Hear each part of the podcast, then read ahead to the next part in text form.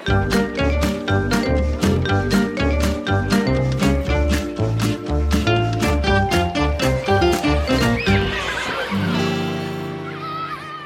er krig i Europa, og millioner er drevet på flukt. Barn og elever fra Ukraina skal inn, og har kommet inn, i norske skoler og barnehager. Hvordan forbereder skoler og barnehager seg på å ta imot dem? Hva er den beste inkluderende praksisen for barn og elever som har flyktet fra krig, og hvilken lærdom fins fra andre kriser? Ja, dette og mer til skal vi snakke om i denne episoden av Lærerrommet. Velkommen inn hit, navnet mitt er Vigdis Alver. Og navnet mitt er Anna Tresse. Det er langt fra første gang skoler og barnehager her i landet tar imot barn som har opplevd kriser og krig. Forskning peker på at de som møter kunnskapsrike pedagoger og lærere fra starten av, det er de som klarer å etablere vennskap og et normalisert liv raskest. Barnehage og skole spiller altså en helt sentral rolle i å lykkes med inkludering. Men det er mye som skal på plass. Språkopplæring og morsmålslærere, pedagogisk tilrettelegging og traumebearbeiding, og ikke minst masse trygghet og omsorg fra kompetente voksne.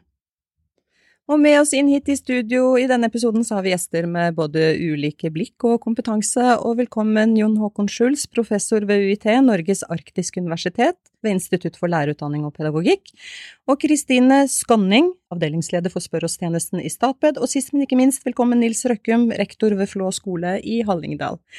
Og først til deg, Røkkum, for du står jo med skoa på her, og din skole har allerede tatt imot ukrainske elever. Det var 105 elever ved skolen din før det, og på rekordtid så måtte det få plass til noen og 30 ukrainske elever, og det er flere enn dere noen gang har tatt imot samtidig før. Og hvordan forberedte skolen din seg, og du som leder dere, på nye elever rett fra krig og flukt? Ja, Normalt så har vi tett dialog med integreringstjenesten før integrering av, av elever i skolen eh, som kommer fra, fra, krig og flyktninger. Eh, nå måtte vi aksjonere øyeblikkelig vi har tett dialog med Hero, som driver mottaket på Flå. Da måtte vi begynne å planlegge. Eh, timeplaner måtte på plass. Eh, informasjon eh, til elever eh, gikk via kontaktlærerne. Eh, vi organiserte undervisningspersonell. Undervisningsrom måtte vi skaffe. Vi har litt knapt med det også. Og utstyr, PC-er til de eh, lærerne som som eh, skulle undervise i norsk. Der eh, innhenta vi tre frivillige eh, pensjonerte lærere som har jobba på skolen før. De var veldig tent på oppgaver, får en si. Og så måtte vi finne skrivesaker til elevene, tavler med mer. Vi rakk ikke så mye mer, for vi aksjonerte uka etter at elevene kom. Men dette var elever i uh, ulik alder, og var det sånn at de kom i hvert sitt klasserom, eller kom de i ett rom sammen? Kan du fortelle litt mer om organiseringen rundt det? Ja, vi organiserte i tre grupper. Uh, det gikk ikke an å få dem i hvert sitt klasserom, for det var en del som ikke kunne engelsk, bl.a. De snakka kun sitt eget morsmål, og det var greit å ta dem i, i grupper. Da tok vi også og fikk eh, voksne eh, engelskkyndige foreldre til å stille opp i, i, tillegg til de lærerne som var der. Og Da fikk vi oversatt også en del eh, av det som Eller alt det som kom frem der. Dette skjedde jo ganske hurtig. Kan du fortelle litt om hvordan dere involverte og informerte elever og foresatte om de nye elevene som kom? Du snakker jo her også om foreldre som ble engasjert. Ja, vi toner tok klassevis til elevene våre en informasjon. Lærerne fikk informasjon med ledelsen, og deretter så tok de og informerte elevene. Jeg snakka om eh, krigen, veldig viktig egentlig, så, så elevene var klar over hvilke forhold eh, de nye elevene fra Ukraina kom fra. Ja, for å plukke opp tråden der, de barna som kommer vil jo ha med seg ulike erfaringer fra krigen og flukten, og Schultz, du forsker jo blant annet på kriser, traumer og hvordan barn og unge håndterer fryktreaksjoner. Hva er det viktigste lærere og ansatte må være oppmerksomme på i møte med barn som har fluktet, som har opplevd krig, og som er mye redde? Ja, nei, men det er som det blir sagt her, det, det, første er jo å ta imot dem, ikke sant. Og er det noe lærere og skoleledere kan, så er det å ta imot nye elever. Men det er jo som det blir sagt her, det er jo noen utfordringer her, da. Og, og, og, og noe å, å, se etter. Men jeg tenker det, de første tingene, du kommer ikke bort ifra det, det er å, å få på plass alle disse tingene som beskriver, og, få en, en, litt sånn normalisert hverdag komme i gang, ikke sant. Og jeg tenker det er de samme, hvis, du skal definere noen kjappe mål, så er det at disse elevene de skal, eh, de skal trives, de skal eh, leke hvis det er barnehagen, de skal være sammen med venner, ikke sant, og de skal lære. Det er liksom de forholdene som, som gjelder, altså. Men jeg skjønner spørsmålet ditt, for ikke sant, med en gang vi snakker om krig, du, kom, altså, du kommer fra Ukraina, du kommer fra en krig, ikke sant, og du tenker hva er det jeg som lærer, hvordan skal jeg forholde meg til dette, ikke sant. Eh, og det er vel det egentlig du spør om? Ja, for de vil jo være ulike, disse barna. Og noen ja. vil jo ha med seg det vi kaller traumatiske opplevelser. Ja. Og liksom helt, er noe helt konkret du kan si til lærere og ansatte at de må være oppmerksomme på ting de bør si, ting de bør unngå. Og hvilke signaler er det man eh, skal være oppmerksom på? Ja, jeg tror først og fremst så må du ha en godt foreldresamarbeid. Mm. Eh, mange kommer her med mødre Altså, snakk med, eh, med, både elevene, med tolk, og, og, med mor, ikke sant. Prøv å få en oversikt over hvordan har du det nå, ikke sant. Og jeg, jeg pleier, pleier, å si at, um, og det gjelder her også, ikke sant, sånn, du er lærer, du er ikke psykolog. Ikke sant? Men du har ansvar for læring, og det du kan spørre om da er ikke sant, hvordan har du det? Altså, jeg vet at du har vært i Ukraina, jeg lurer på hvordan det spiller inn på skolehverdagen din. Ikke sant? Og så er det psykologen som skal spørre om andre ting, ikke sant, hva du opplevde og sånn, men det trenger du ikke å vite som lærer. Men du har opplevd noe, og hvordan påvirker det skole? Ikke sant? Og da, og hvis du er ute etter liksom sånn symptomer og sånn, hvis jeg bare skal si ett, ett symptom, så er det liksom å spørre eh, mor, spørre barnet hvordan, hvordan sover du om natta? Ja? Mm. Og hvis du ikke sover, det er det fremste tegnet på at da trenger du virkelig problemer. Eh, da har du problemer, og da trenger du virkelig noe. Så da er det henvisning til barne, eh, altså til barne- og ungdomspsykiatrien, PP-tjenesten og, eh, og de andre som står rundt for å hjelpe skolen. Mm. Går det an å si noe om hvorvidt eh, barn blir mer eller mindre påvirket jo eldre de er? Eh, noe aldersbestemt robusthet, og hvordan skoler og barnehager eh, bør jobbe med det? Ja, Nei, det vil, det vil være litt forskjell på alder, det er klart det er det, altså. Men, men vi tenker i utgangspunktet så er alle barn sårbare når det kommer til det å oppleve traumatiske hendelser. De er sårbare for, um, fordi de ikke har kognitive forutsetninger eller livserfaring til å mestre. Men det betyr ikke altså, Det er litt sånn debattert det der hvor sårbare er barn, og det kan jeg liker å bruke ordet sårbart, ikke sant, og det betyr at da må vi voksne eh, støtte opp.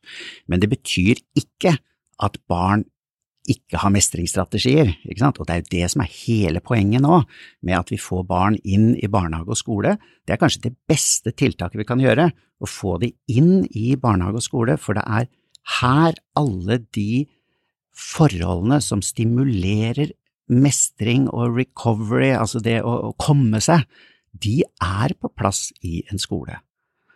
Men, det er et men, de er på plass i en god skole, ikke hvilken som helst skole, men det er på plass i de skolene der, der, der det er forberedt, der lærerne er proaktive, sjekker ut hvordan, hvordan, det går med barna, spør om søvn, spør om hvordan det går med læringsprosessene, ikke sant? Men, men det må gå litt tid også. Altså, tenk, altså, de kommer fra en, en, en forferdelig setting, og de må få tid til å, å komme på plass. Men vi, vi må aldri glemme at vi er på en skole, og da skal du lære. Og det er oppdraget vårt. Statped-tjenesten eh, der du er, Skanning, eh, dere hjelper jo skoler og barnehager og også foresatte med barn og elever som trenger ulik spesialpedagogisk tilrettelegging, og PP-tjenesten er jo blant deres nærmeste samarbeidspartner. Og hva er det lærere og ansatte rundt omkring på skoler og i barnehager spør om rundt det vi snakker om nå, og hva vet dere fra tidligere kriser kanskje vil bli et behov? Ja, eh, i, i spørreoppstjenesten, primært som jeg er heldig å arbeide i, så vi får jo mange ulike spørsmål fra både PPT, barnehager og skoler, og absolutt foresatte også. Så i forhold til de henvendelsene vi får, så er det jo gjerne ulike spesialpedagogiske spørsmål.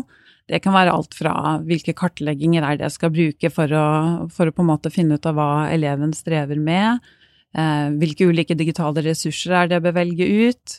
Eh, men også har vi mange henvendelser som går på det å, å drøfte anonyme caser hvor man da kan Hvor mange ser at det er veldig Det kan være god støtte å få noen å snakke med som, som også er inne i det spesialpedagogiske feltet og kjenner litt til det de står i. Og kan hjelpe dem å gjøre en vurdering av ok, hvor, er, hvor langt er det vi har kommet nå, hvilke vei bør vi gå videre. Uh, noen opplever at de har kjørt seg litt fast, og, og gjerne trenger liksom det å bli møtt og sett og forstått og, og trygget på de valgene de har gjort hittil. Uh, og så jo, er vi jo heldige at vi har uh, hele resten av Statped i ryggen og kan sende videre henvendelsene til fagavdelingene, hvor man da kan gjøre vurderinger om, om dette er grunnlag for å sende inn en søknad til oss. Ja, for noen av disse barna og elevene de kommer jo med en historie hvor de har hatt tilrettelegging, kanskje, uten at dere har tilgang på verken papirer eller hva som er gjort tidligere. Og, og hva trenger lærere i skole og barnehage mest for disse elevene og barna nå, slik som dere i Statped erfarer det? Ja, det er jo det er, jeg at det er et viktig skille her mellom de elevene som kommer og har eh, satte diagnoser, og de som kommer og ikke har satte diagnoser, men hvor man på en måte lurer på om det kanskje er noe mer. Så jeg tenker jo litt sånn som vi allerede har vært inne på, um, dette med tid er jo svært viktig. Finne den balansegangen mellom å få til tidlig innsats, unngå den vent-og-se-holdningen, men samtidig heller ikke sette på en måte for høye krav for fort og for tidlig. Um, så absolutt det med å snakke med barnet, snakke med foreldrene, virkelig bli kjent med dem, fange barnets stemme. Vi, uh, Ut ifra vår erfaring så er jo interesser ofte en sånn nøkkel inn til å bli kjent med barn og unge. Det er også en arena for mestring for dem, hvor de kan fortelle deg hvordan ting fungerer. For eksempel uh, for et dataspill da, ser vi ofte at uh, at vi lærere eller andre pedagogiske ansatte, vi, vi, kjenner jo ikke så godt til den arenaen. Men det at de får muligheten til å vise det, det er også en sånn trygghet. For de kommer jo til et helt nytt land hvor alt er nytt. Mm. Uh, og da tenker jeg både for barn og for eh, elever, litt eldre elever, det er liksom noe kjent som de kjenner igjen. En trygg arena både i forhold til å bli kjent med lærere og bli kjent med medelever. Å finne gode veier inn. Men hvis du skal ta en litt sånn generell tempen på støtteapparatet her, hvordan tror du det oppleves for barnehager og skoler når man står i kriser som dette, da? Ja, det, ja, all respekt til de som står i klasserommet og i barnehagen hver eneste dag. Eh, det er virkelig å anerkjenne det arbeidet de gjør. Eh, og så tenker jeg også at dette er jo litt sånn kjent territorium også. Vi kommer jo akkurat fra en ganske, en ganske prekær situasjon. Eh, den ble jo avløst av en ny en nesten med en gang. Sånn at man har svært mye kompetanse allerede på dette i kommunene. Det ser jo vi hver eneste dag så er det viktig for oss i, i Statped å vise at vi er her. Vi er her alltid, og vi er her også nå i denne svært spesielle situasjonen. Vi har rustet opp ekstra i forhold til den Ukraina-situasjonen som pågår akkurat nå. Vi har Spør oss-tjenesten. Mandag til fredag kan man ta, klokka ni til klokka tre kan man ta kontakt med oss. Alle kan gjøre det for å stille ulike spesialpedagogiske spørsmål. Eh, vi har også inngått et samarbeid med Wergelandsenteret, som er et ressurssenter som har eh, ulike utviklingsprosjekter i eh, Ukraina. Så vi kommer til å arrangere et eksternt seminar, eller et seminar, eller et webinar, hvor vi skal dele informasjon om det spesialpedagogiske systemet i Ukraina. Så hmm. Dere var jo, eh, som nevnt i stad, tidlig ute i eh, Flå, eh, Nils Røkkum, med å ta imot flyktninger fra Ukraina. Og så hørte vi jo Schultz si her i stad om viktigheten av å eh, bli inkludert i et normalt eh, skolehverdag så fort som mulig. Kan du fortelle litt om hvordan dere har jobbet ved skolen for å skape et inkluderende både leke- og læringsmiljø mm. for alle? Ja. Eh leke- og læringsmiljø. Eh, det er noe, det er noe disse stikkordet her, for eh, du lærer noe masse gjennom lek. Og det har vi nå brukt eh, aktivt i, i de praktiske fagene. Både i, både i kroppsøving, mat og helse og ja, alt som har med praktisk å gjøre, egentlig. Der har vi noen leker som går på telling, på ord. Litt engelsk òg, for det var mange som ikke kunne engelsk.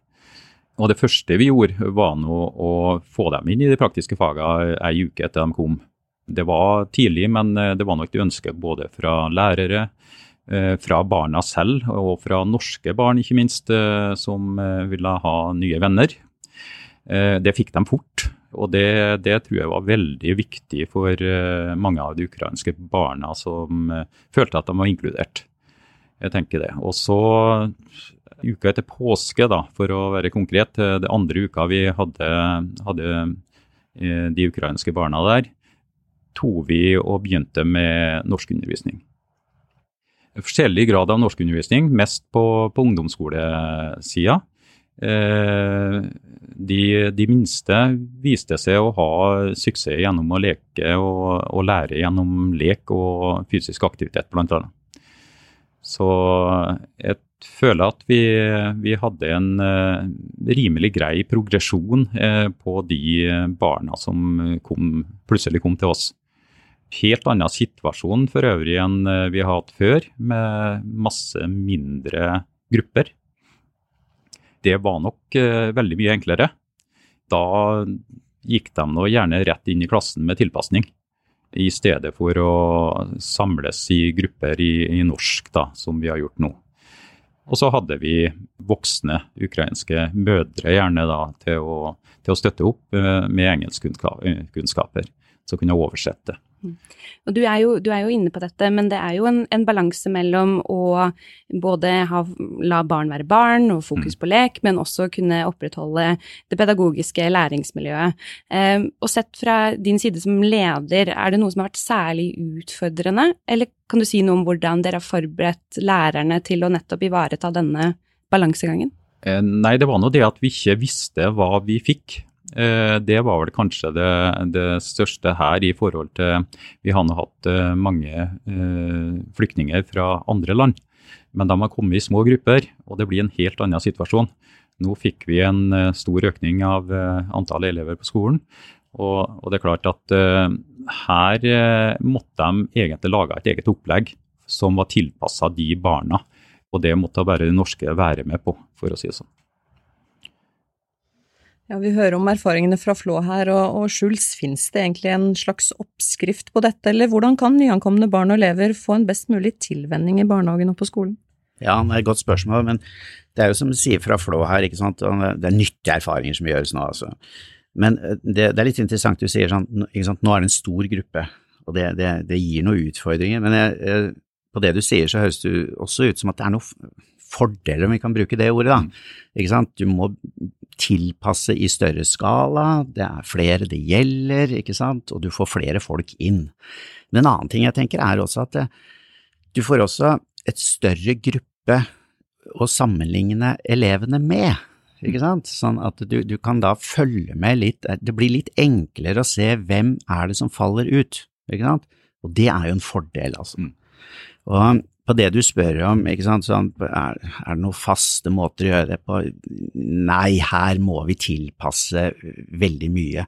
Men vi har jo likevel noe overordna kunnskap, ikke sant, og hvis vi skal ta for eksempel kunnskapen fra Utøya eh, når det gjaldt å følge opp elever der, så så vi at skolene var de aller, aller fleste hadde fantastiske eksempler på hvordan de tok imot elevene etter Utøya. ikke sant? De kom tilbake til skolen, de kom, det var veldig mye hva skal vi si, varme, omsorg, og det, det er det vi ser nå også. Og det er flott. Men så vil jeg tenke da, vi, vi, må tenke også på neste fase, som kommer nå etter sommeren, nærmere jul, mm. og etter jul. Ikke sant? Og det er da det er viktig, dette læringsperspektivet, altså. Klarer vi å opprettholde læring? Ikke sant? Og det, det må vi, og det skal vi, men for å få til det, så må vi, da må Statped, ikke sant, hele, hva skal vi si, læringsfamilien, altså PED, altså pedagogisk psykologisk rådgivningstjeneste. Men den, den, det handler om, er jo den eh, barnehagelæreren og læreren. Altså du må ha en proaktiv holdning, og du må sjekke ut hva elevene har eh, hvordan det går med læringa. Mm. Du må være tett på læringsprosessen. Ja, og det vi snakker om nå, det gjelder jo også en inkludering i dette fellesskapet, og innledningsvis så viste vi jo til forskning som peker på viktigheten å møte nettopp kunnskapsrike pedagoger og lærere helt fra starten.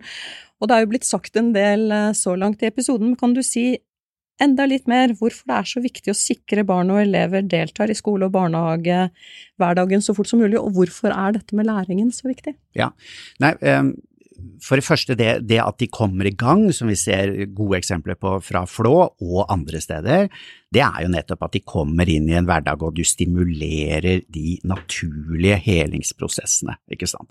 Så, eh, så jeg skal ikke friskmelde hele Norge på det, jeg tror vi fortsatt skal, vi skal jobbe hver dag altså, for å få til det.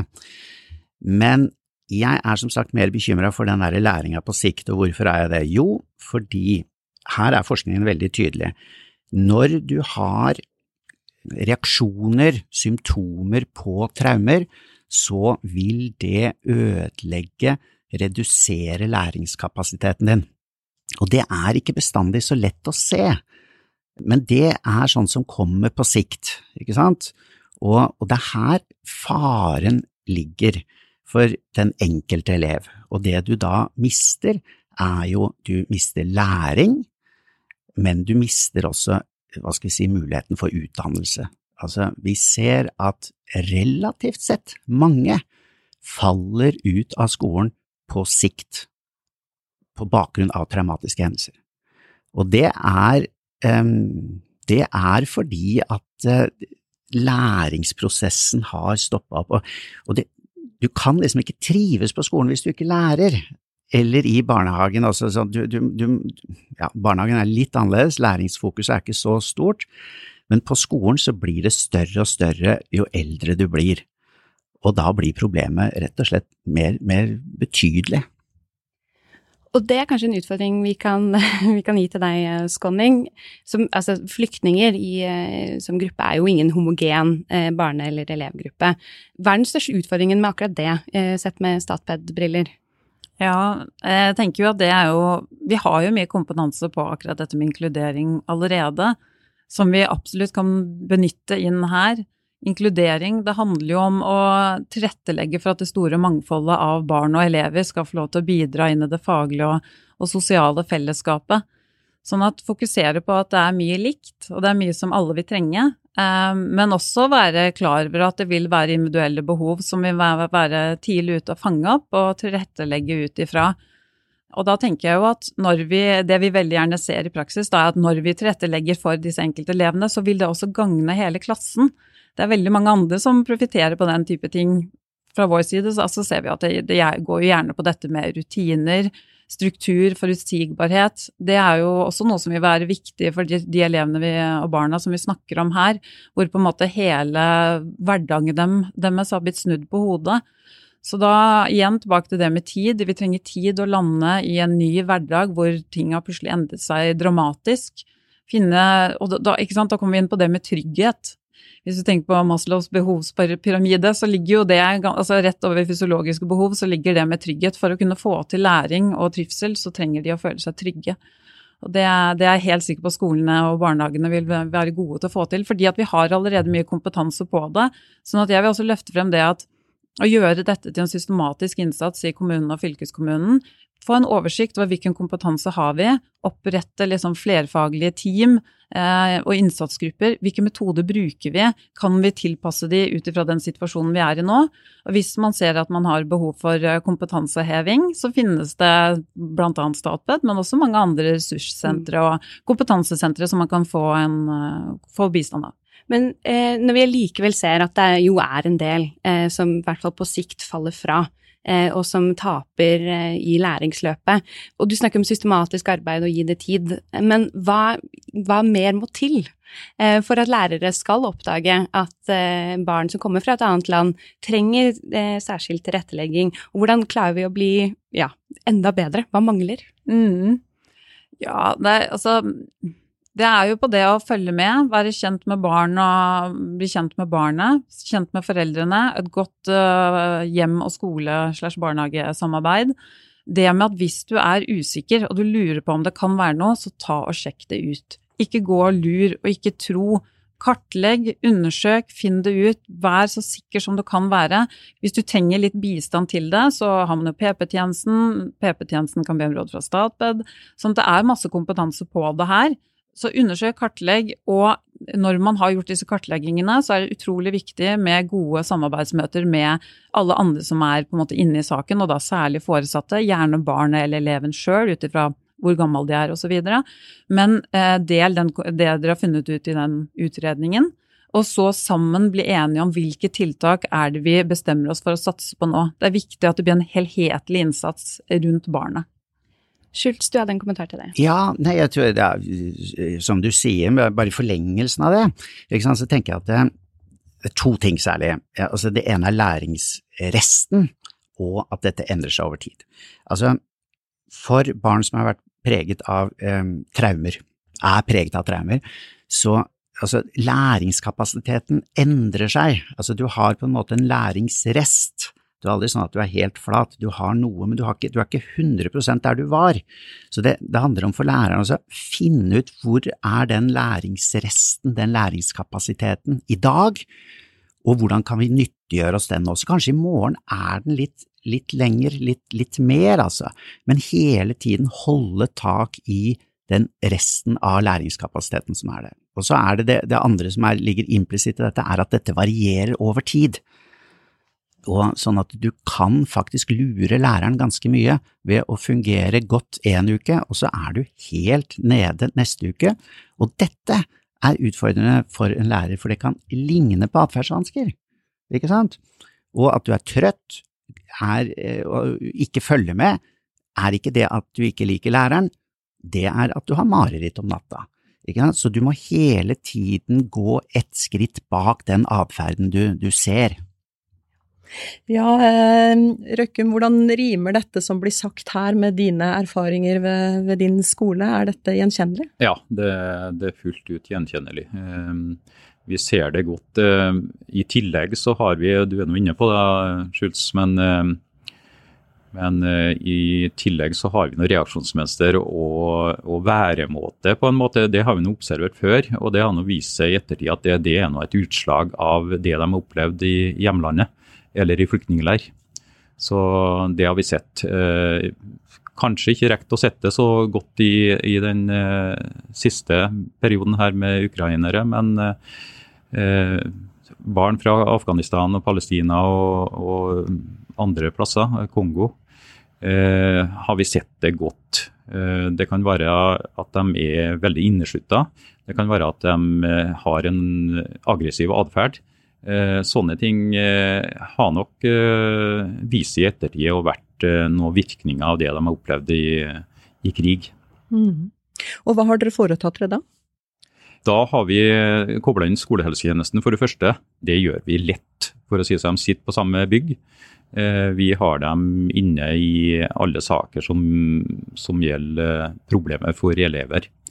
Og så har vi fulgt opp, ført opp vært årvåken. da og sett på hvordan de har utvikla seg videre.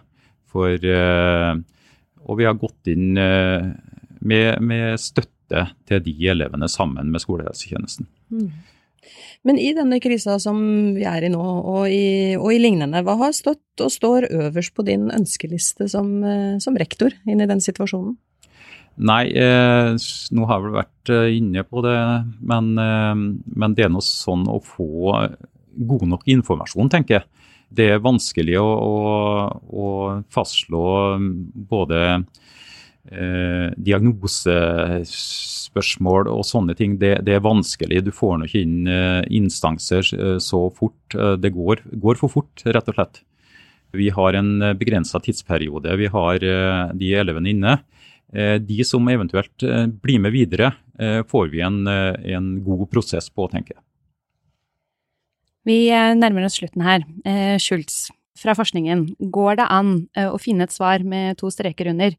Lykkes vi med inkluderingen av flyktningbarn og barn som har opplevd kriser i norske skoler og barnehager? Ja, svaret på det er ja og nei. Men det som skal til, det er trivsel, lek, læring, og så må du huske på å holde et langtidsperspektiv.